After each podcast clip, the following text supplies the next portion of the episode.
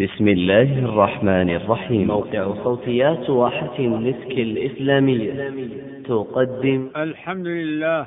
وصلى الله وسلم وبارك على عبده ورسوله نبينا محمد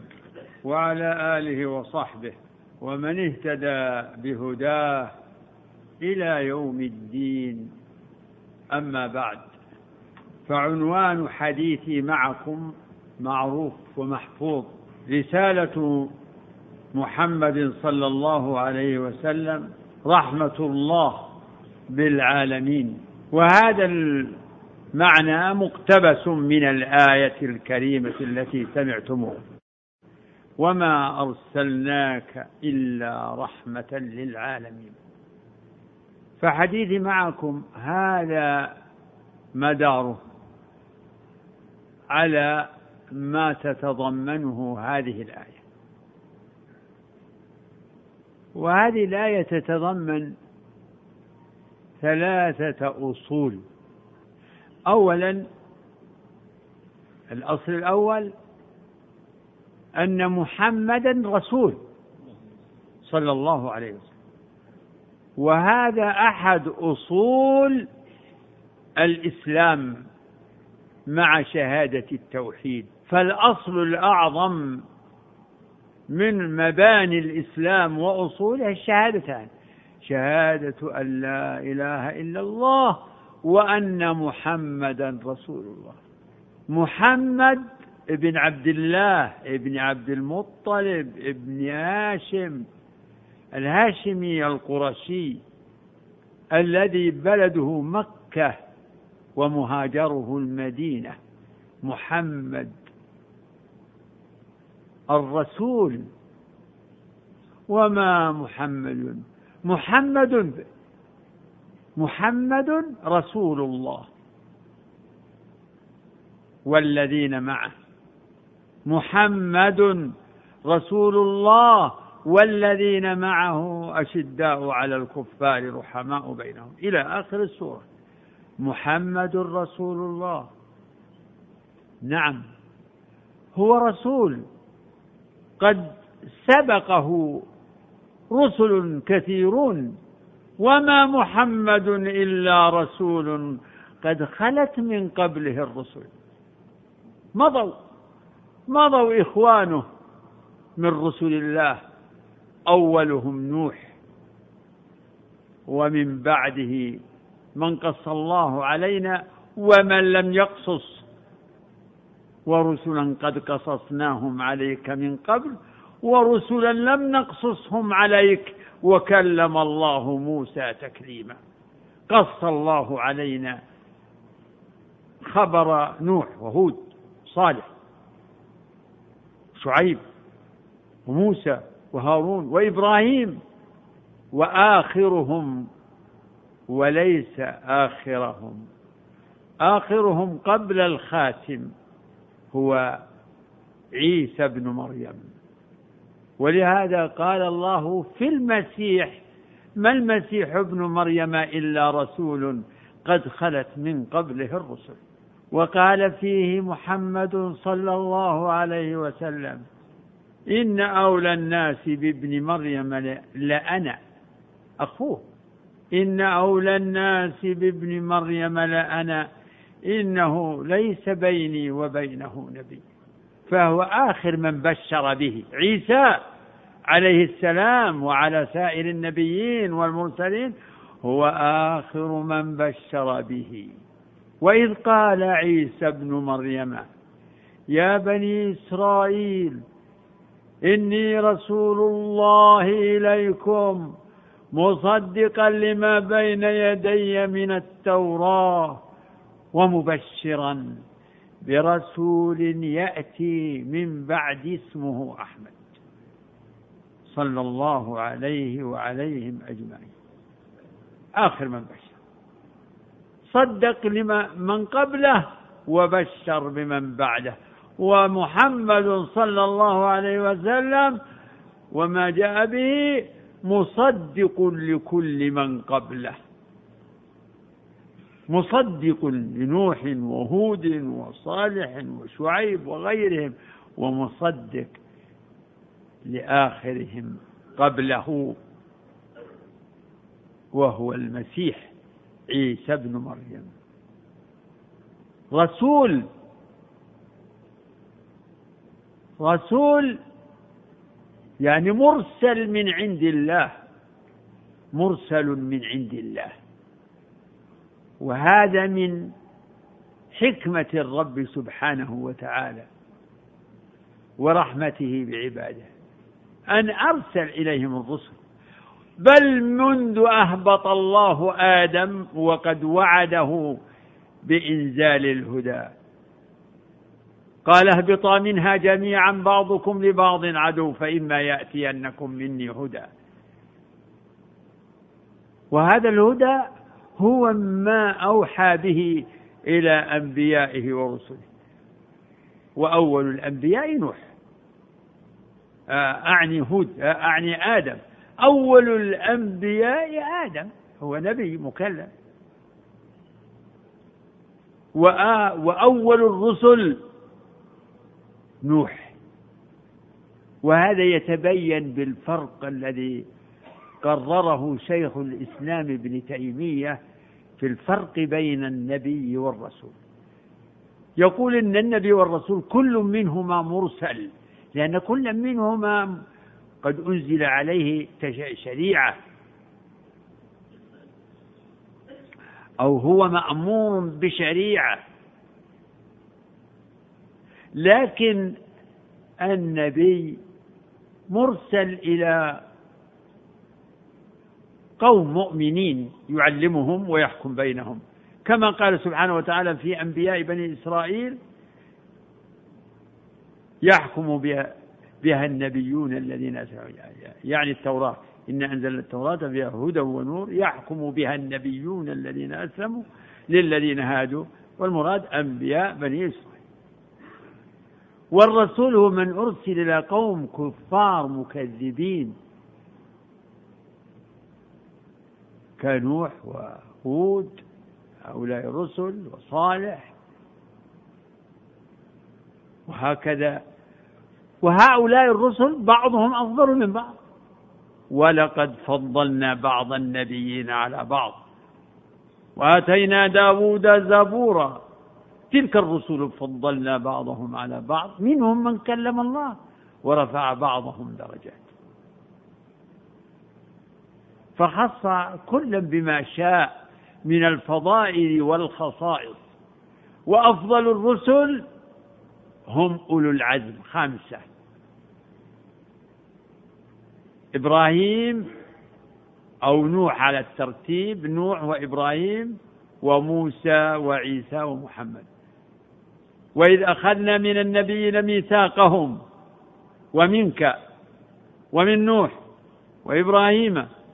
وموسى وعيسى ابن مريم شرع لكم من الدين ما وصى به نوحا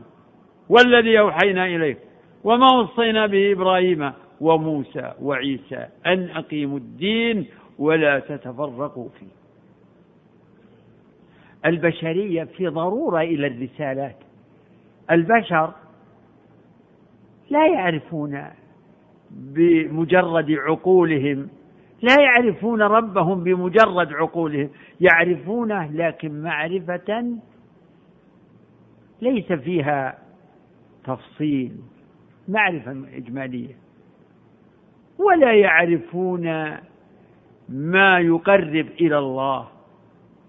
ما يعرفون اللهم إلا معرفة إجمالية فأرسل الله الرسل بتشريع بعلم ببيان الناس في ظلمات قبل الرسالات في ظلمات فالله أرسل الرسل ليخرج من شاء من الظلمات إلى فالخلق في ضرورة إلى الرسالات ولهذا كلما انقرض قرن أو أهلك الله قرنا وأنشأ آخرين بعث فيهم رسولا ثم أنشأنا من بعدهم قرونا آخرين ما تسبق من أمة أجلها وما يستأخرون ثم أرسلنا رسلنا تترى الرسل متتابعة اقرأوا أرسل الله نوحا فدعا قومه وعاش فيهم ما شاء ألف سنة إلا خمسين عاما ثم لم يؤمن معه إلا قليل ثم أغرق الله الكافرين ونجى نوحا ومن معه من المؤمنين وما آمن معه إلا قليل ثم هود كذلك مع قومه عاد ثم صالح ثم ثم وموسى أرسله الله إلى فرعون وقومه فأغرقهم الله لما كذبوا وكفروا وأرسله سبحانه وتعالى إلى قومه بني إسرائيل وجاهدهم وآمن به من آمن وكفر من كفر ثم أتبعه بالمسيح عليه السلام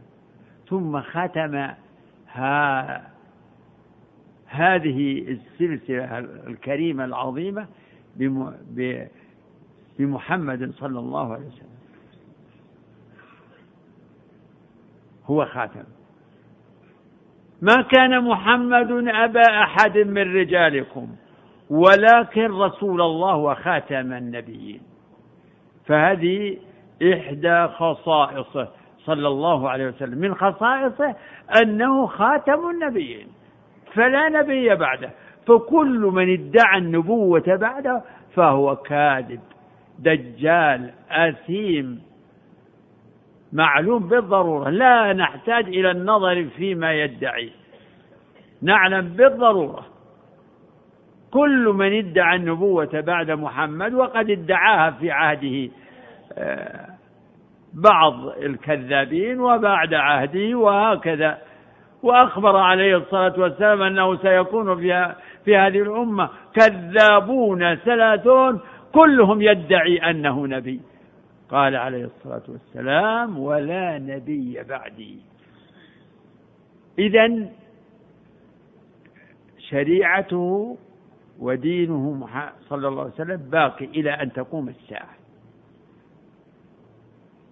جاء بماذا محمد عليه والسلام جاء بالهدى ودين الحق هو الذي أرسل رسوله بالهدى ودين الحق جاء بالهدى ودين الحق الهدى هو العلم النافع ودين الحق هو العمل الصالح وهذان الاصلان هما مدار وسبب السعاده العلم النافع العلم الصحيح عند البشر علوم ولهم اعمال ولكن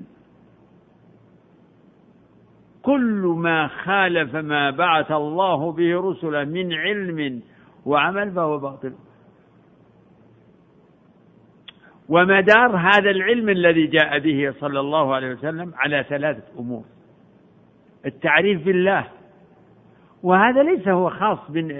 به صلى الله عليه وسلم بل هذا مدار علم الرسل وما جاء به الرسل ولكن لنبينا عليه الصلاة والسلام خصوصية وهي الكمال والشمول مدار ما جاء به الرسول على ثلاثة أصول معرفة الله فهذا أعظم أعظم هدى وأفضل العلم العلم بالله أفضل المعارف معرفته سبحانه وتعالى بمعرفة أسمائه وصفاته وما يجب له وما يجوز عليه وما يمتنع عليه الأصل الثاني معرفة الطريق الذي يوصل إليه وضده هما سبيلان سبيل سبيل الله وما سواه سبل سبل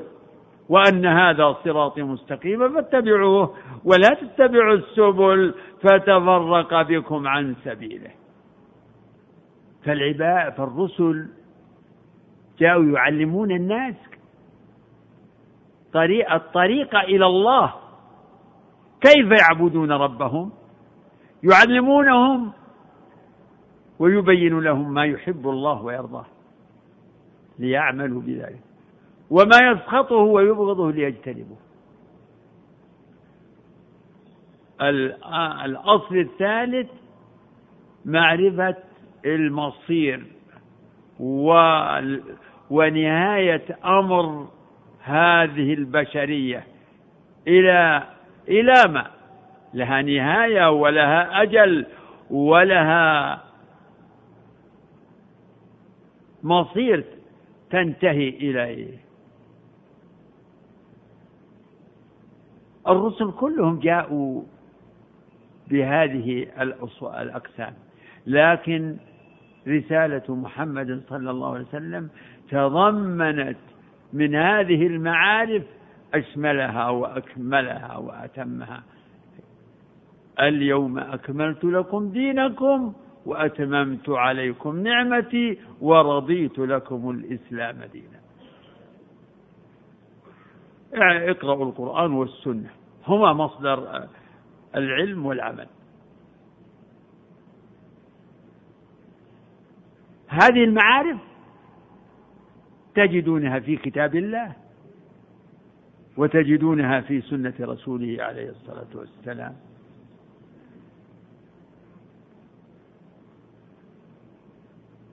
هذا بيان للناس وهدى وموعظة للمتقين ولا تهنوا ولا تعزنوا وأنتم الأعلون إن كنتم مؤمنين ذلك الكتاب لا ريب فيه هدى للمتقين شهر رمضان الذي أنزل فيه القرآن هدى للناس وبينات من الهدى والفرقان يا أيها الناس قد جاءتكم موعظة من ربكم وشفاء لما في الصدور وهدى ورحمة للمؤمنين القرآن الآيات الدالة على عظمة القرآن وفضل القرآن وبيان وما اشتمل عليه من البيان والهدى والنور آيات كثيرة سمى الله كتابه وما جاء به نبيه روحا ونورا وكذلك أوحينا إليك روحا من أمرنا ما كنت تدري ما الكتاب ولا الإيمان ولكن جعلناه نورا نهدي به من نشاء من عبادنا وإنك لتهدي إلى صراط مستقيم صراط الله الذي له ما في السماوات وما في الأرض ألا إلى الله تصير الأمور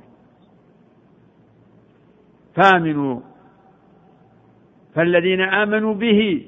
وعزروه ونصروه واتبعوا النور الذي أنزل معه أولئك هم المفلحون أرسل الله محمدا صلى الله عليه وسلم بالكتاب والحكمة الكتاب هو القرآن والحكمة هي السنة الحديث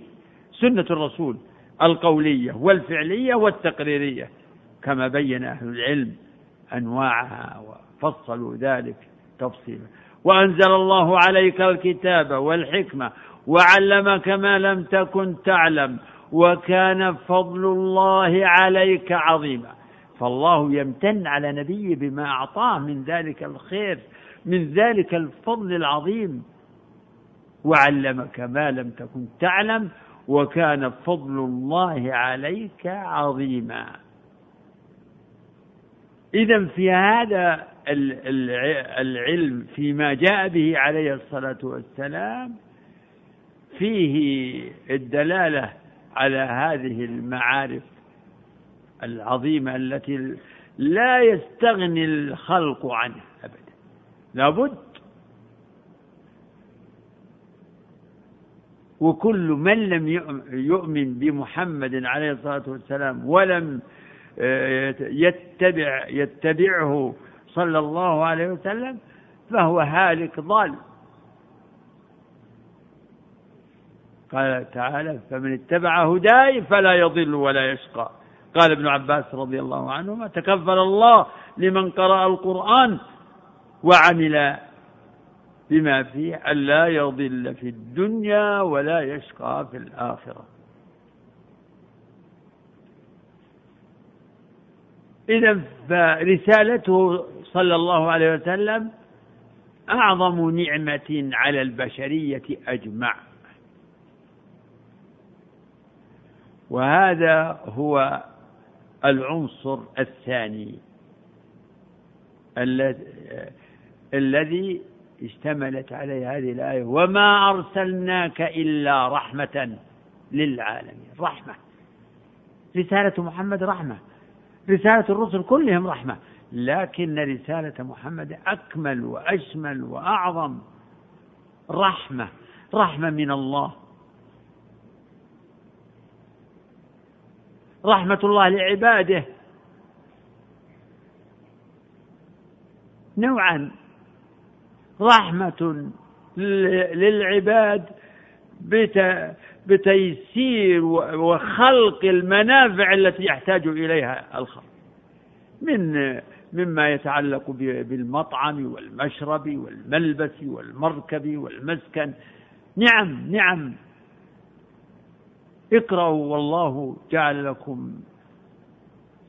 مما خلق ظلالا وجعل لكم من الجبال أكنانا وجعل لكم سرابيل تقيكم الحر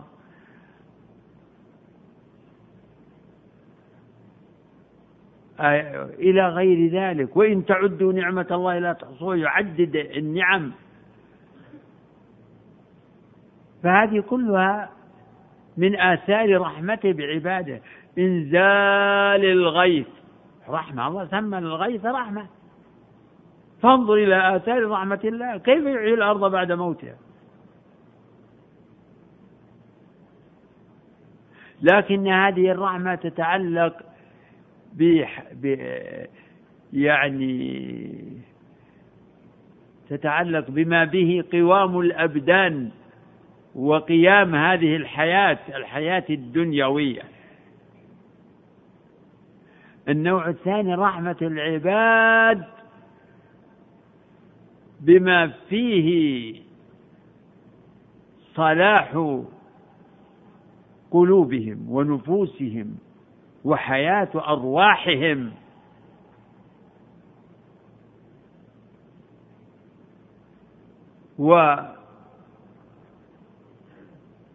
وهدايتهم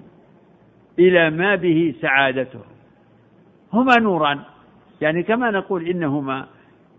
رحمتان نقول نوران انظروا نور الشمس ونور النبوة نور الشمس هذا ي... ل... ل... لإبصار ل... لبصر الأبصار الحسية لبصر الأبصار لابد وأما نور النبوة وشمس الرسالة فلبصر البصائر ينظم هذا المعنى ابن ابن القيم في بعض نظمه يقول نور النبوة مثل نور الشمس للعين البصيرة فاتخذه دليلا فالعين لا تبصر إلا بضوء ترى به وتهتدي به كذلك العقل عقل الإنسان لا يهتدي إلا بنور الوحي إلا بنور الوحي فرسالة محمد صلى الله عليه وسلم أعظم رحمة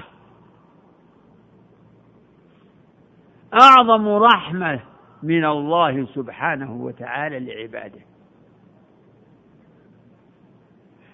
وذلك كما تقدم لما اشتمل عليه من المعارف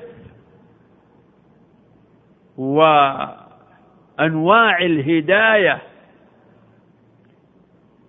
كان الناس قبل بعثه محمد عليه الصلاه والسلام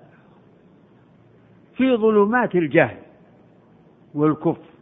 والغفله والخرافه والفساد العريض والظلم كذلك ظلم الخلق بعضهم لبعض فمن رحمة الله أن أطلع عليهم هذه الشمس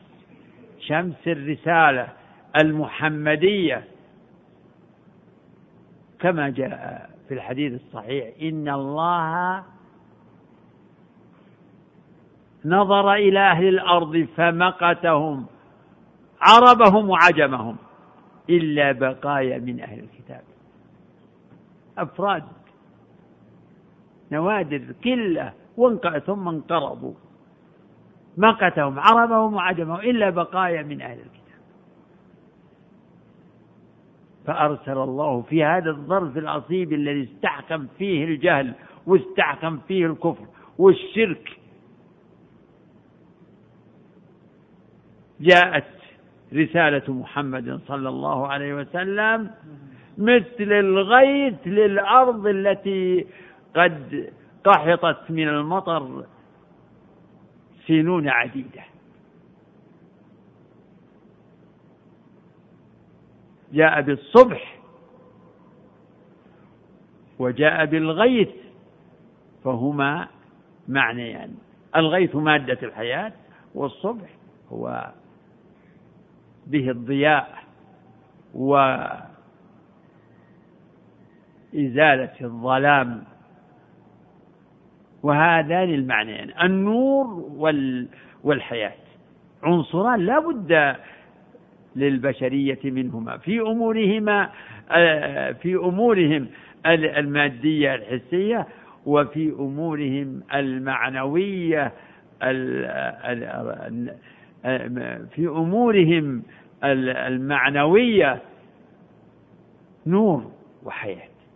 كما في الآية الآنفة التي ذكرتها وكذلك أوحينا إليك روحا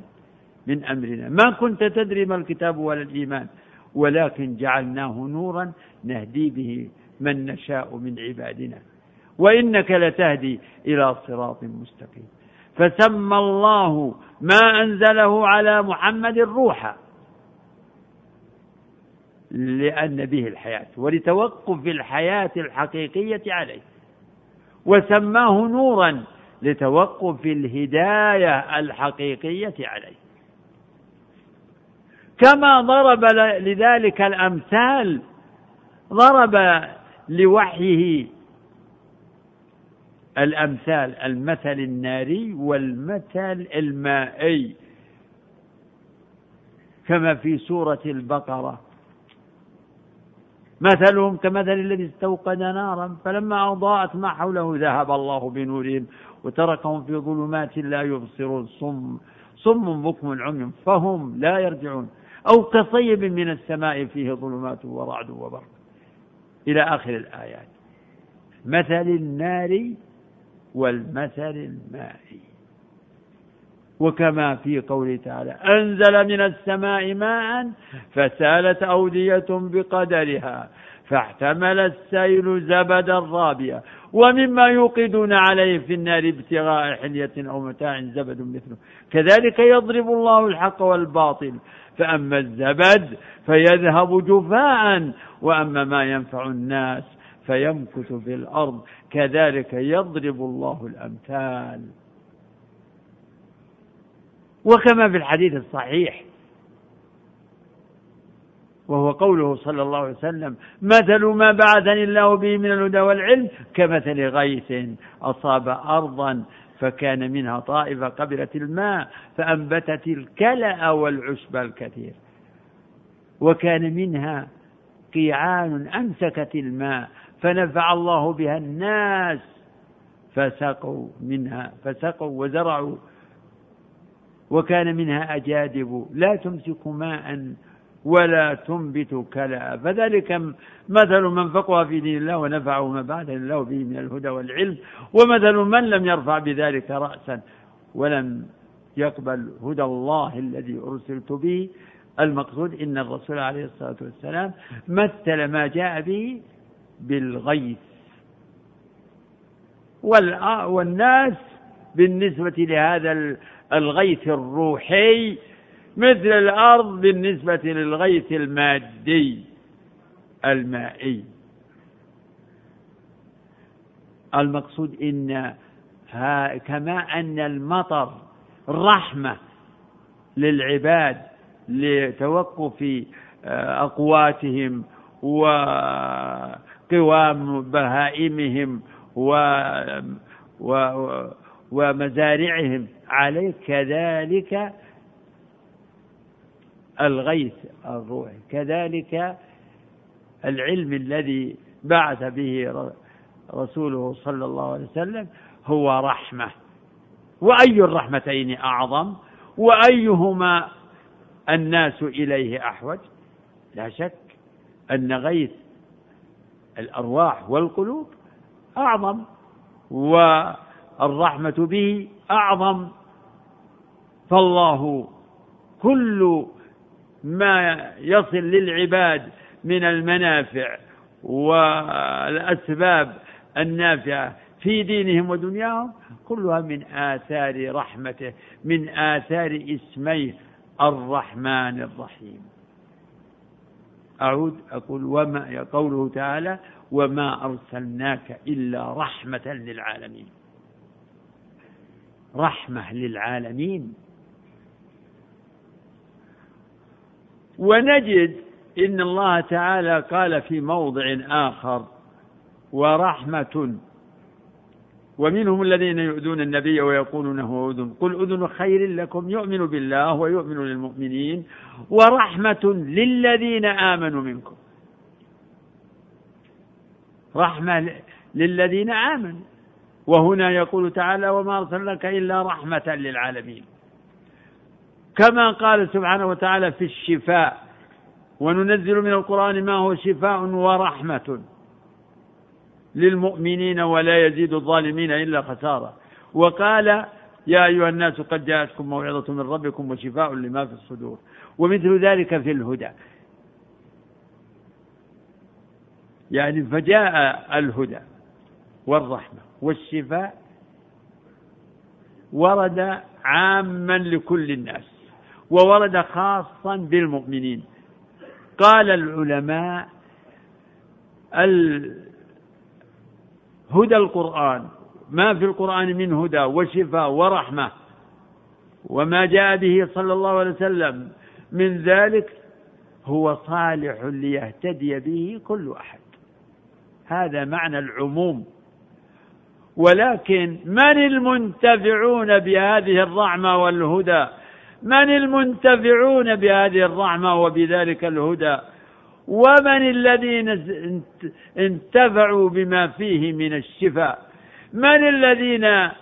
حصل لهم الشفاء من أدواء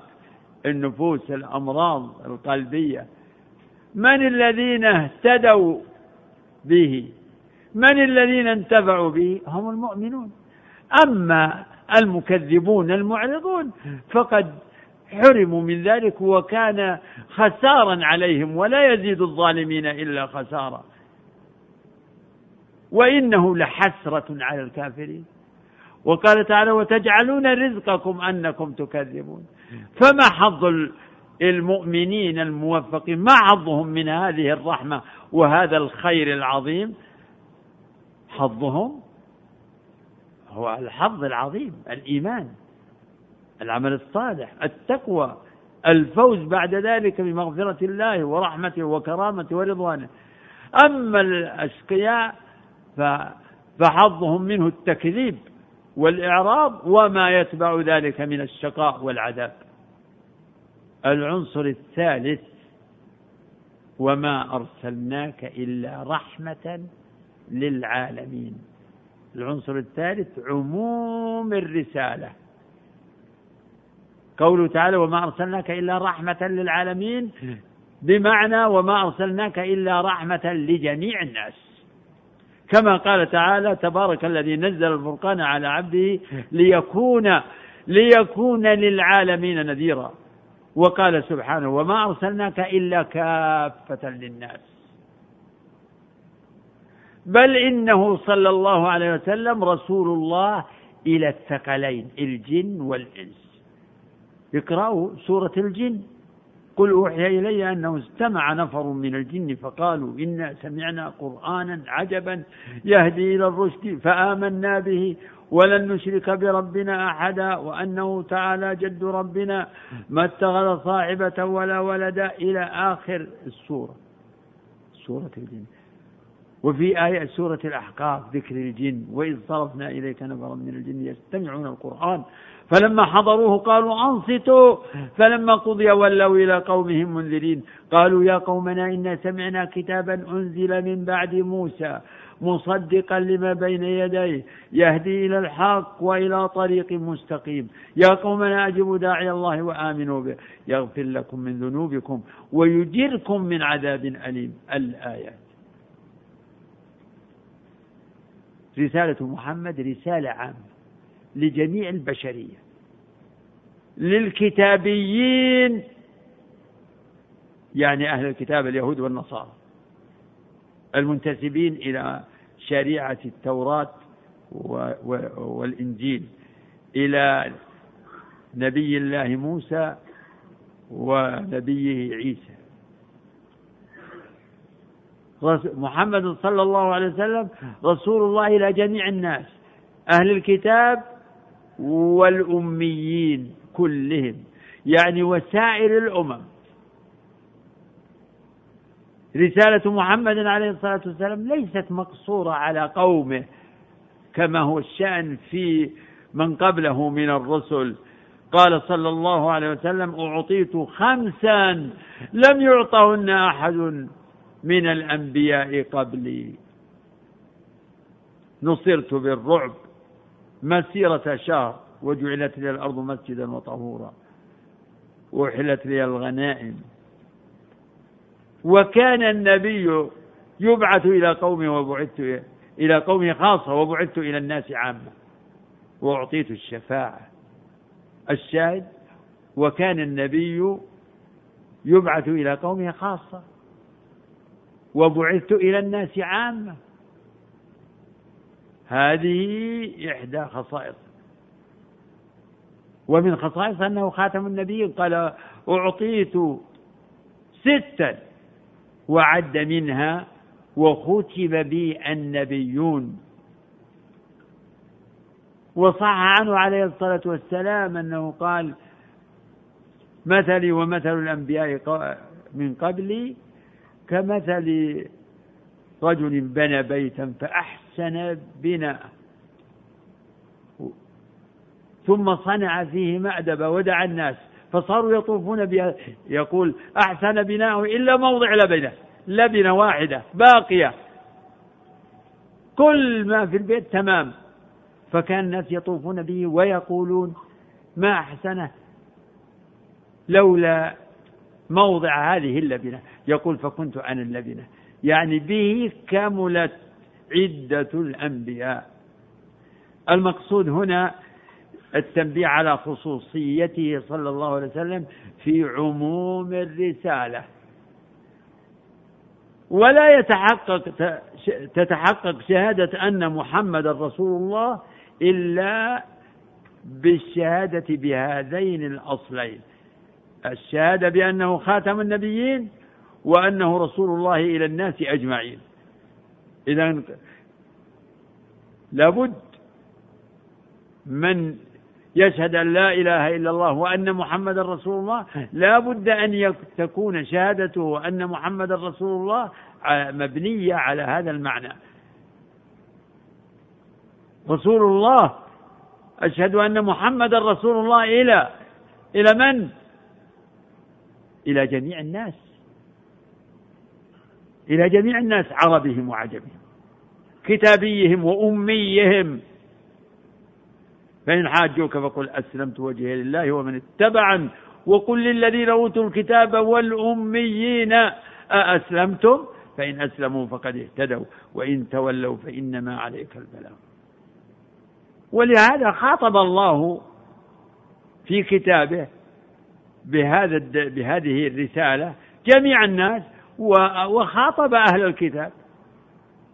يا أيها الناس اعبدوا ربكم يا أيها الناس اتقوا ربكم يا أهل الكتاب لا تغلوا في دينكم فلا بد لا بد من التحقق بهذا المعنى وقد مضى المسلمون قرون مضت قرون المسلمين على هذه العقيدة يعني عقيدة الإيمان بعموم رسالته عليه الصلاة والسلام وأن جميع الناس مدعوون بدعوته وأن جميع الناس لا ي... لا طريق لأحد إلى الجنة إلا مما إلا من طريق عليه الصلاة والسلام والا بالايمان به صلى الله عليه وسلم فمن لم يؤمن برسالته الى جميع الناس ولم يتبع ما جاء به فهو كافر هالك شقي مستوجب لعذاب الله والخلود في الجحيم هذا أصل لا يختلف فيه المسلمون كل الفرق, الفرق الإسلامية بما فيها آه، فرق المبتدعة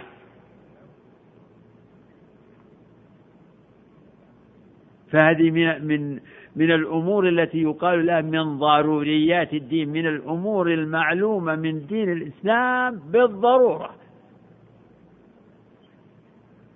وعلى هذا فاليهود كفار والنصارى كفار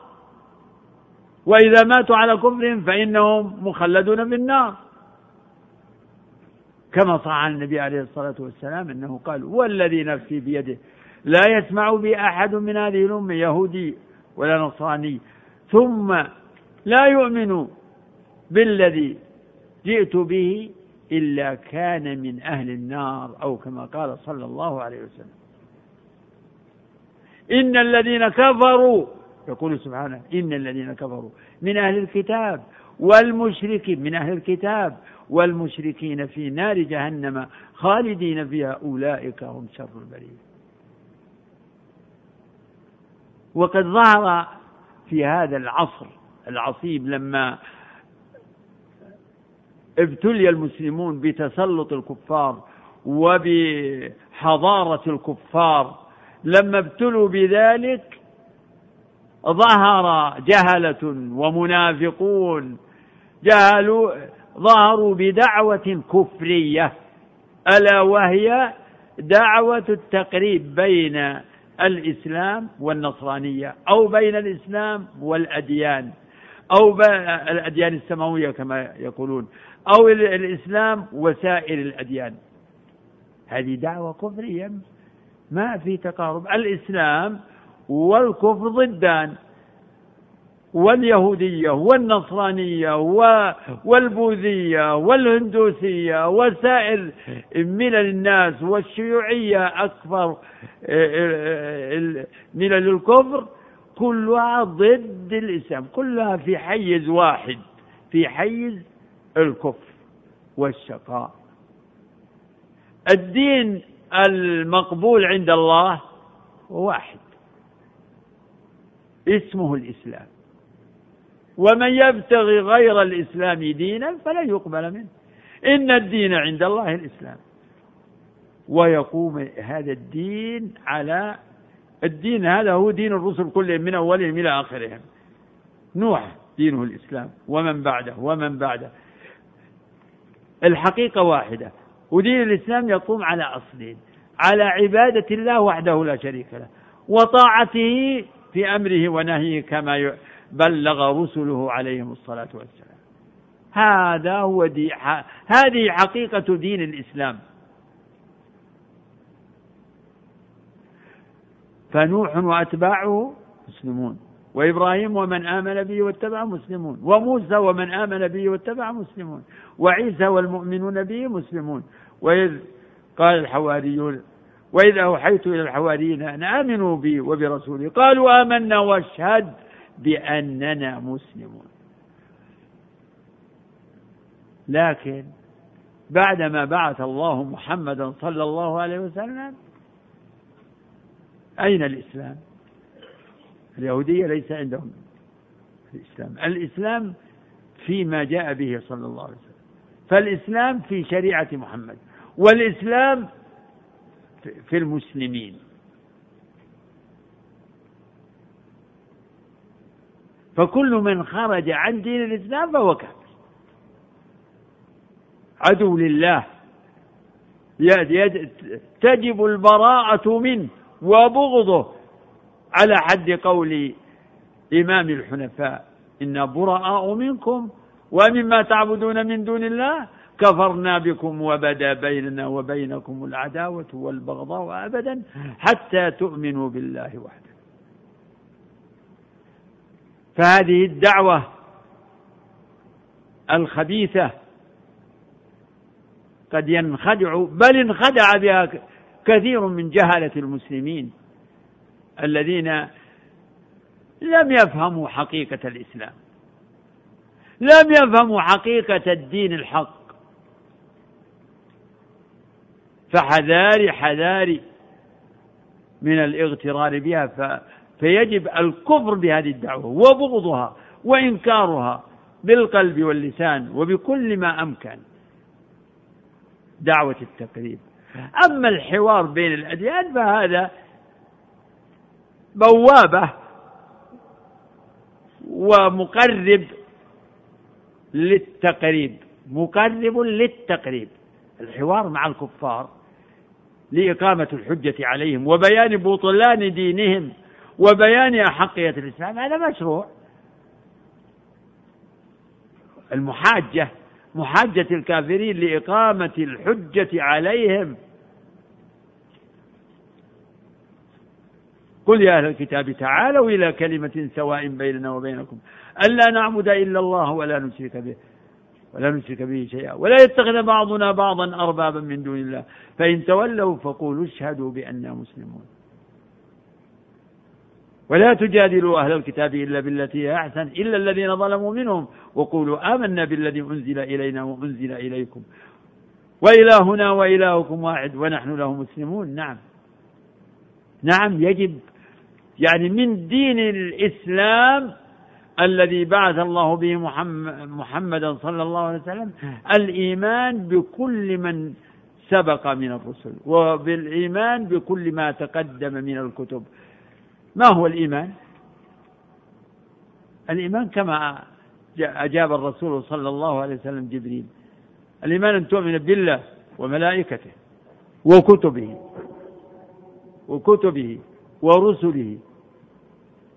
واليوم الآخر وبالقدر خيره وشره قولوا آمنا بالله وما أنزل إلينا وما أنزل إلى إبراهيم وإسماعيل وإسحاق ويعقوب والأسباط وما أوتي موسى وعيسى وما أوتي النبيون من ربهم لا نفرق بين أحد منهم ونحن له مسلمون فأتباع محمد صلى الله عليه وسلم يؤمنون برسل الله كلهم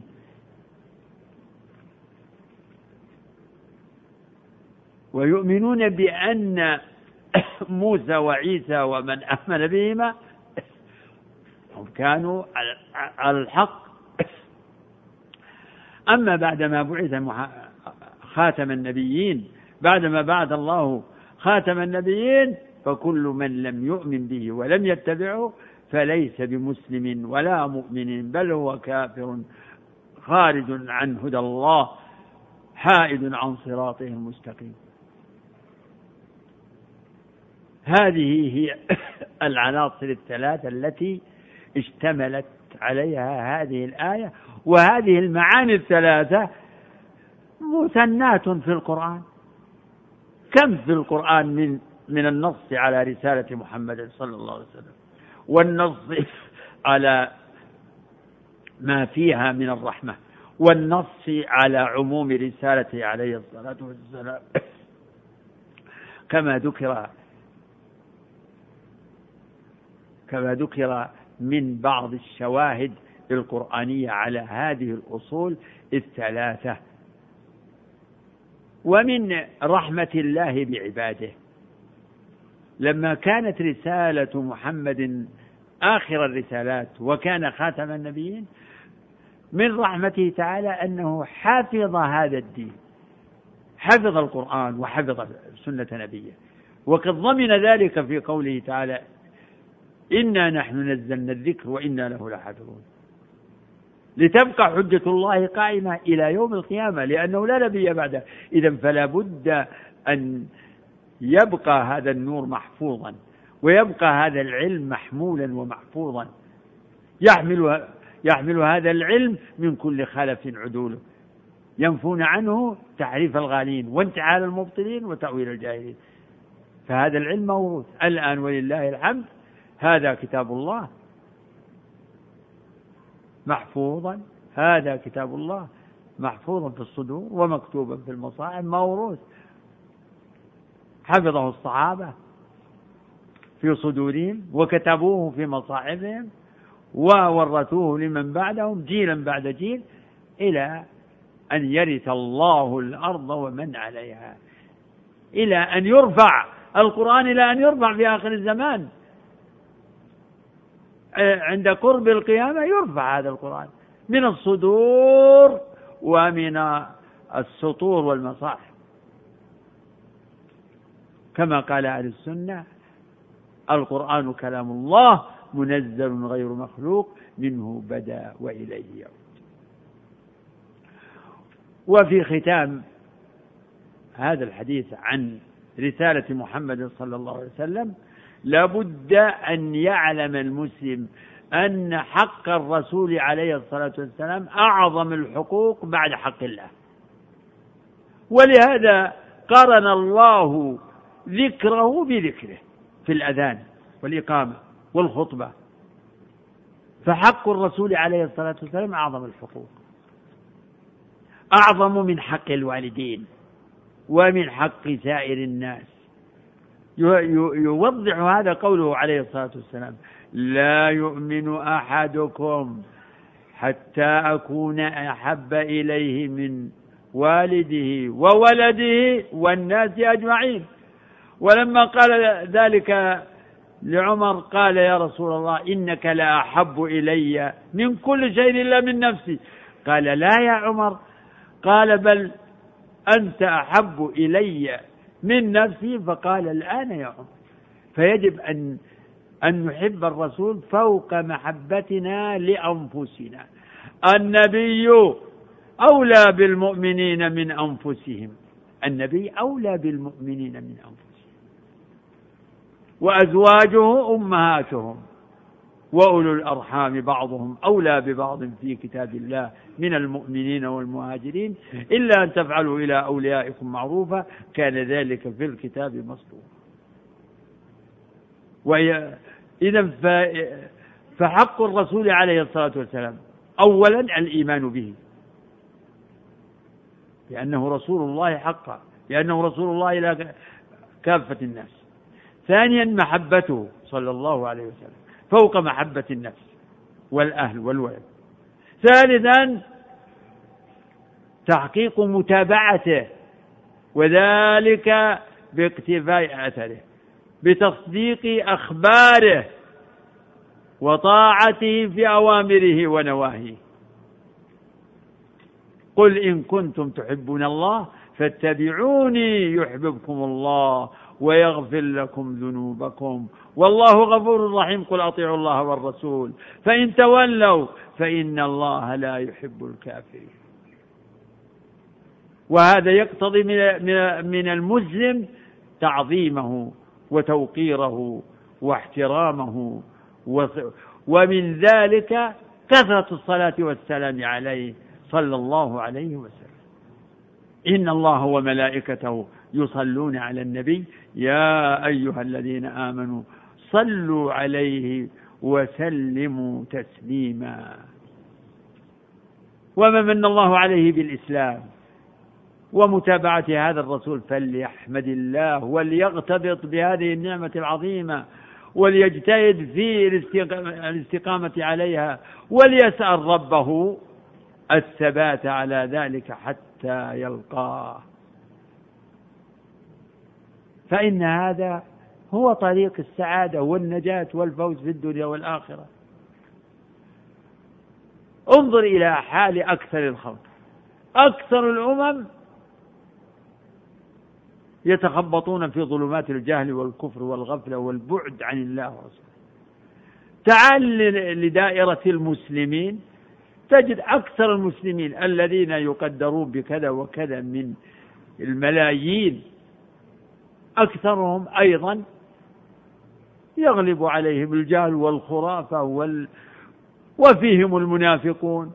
وفيهم آه، المعرضون وكثير منهم ليس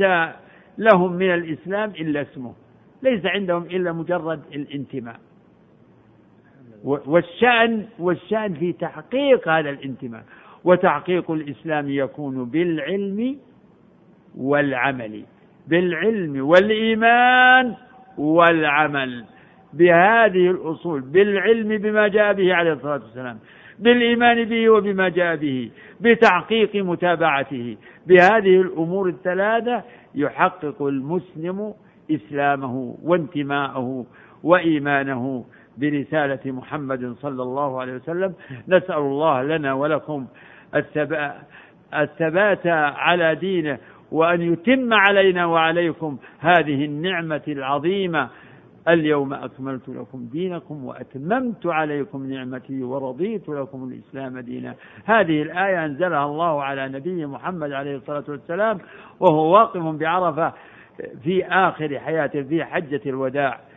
فهذا امتنان من الله بإكمال هذا الدين وإتمام هذه النعمة وبرضاه لنا هذا الدين القويم نسأل الله لنا ولكم الثبات عليه بمنه وكرمه إنه ولي ذلك والقادر عليه وصلى الله وسلم وبارك على عبده ورسوله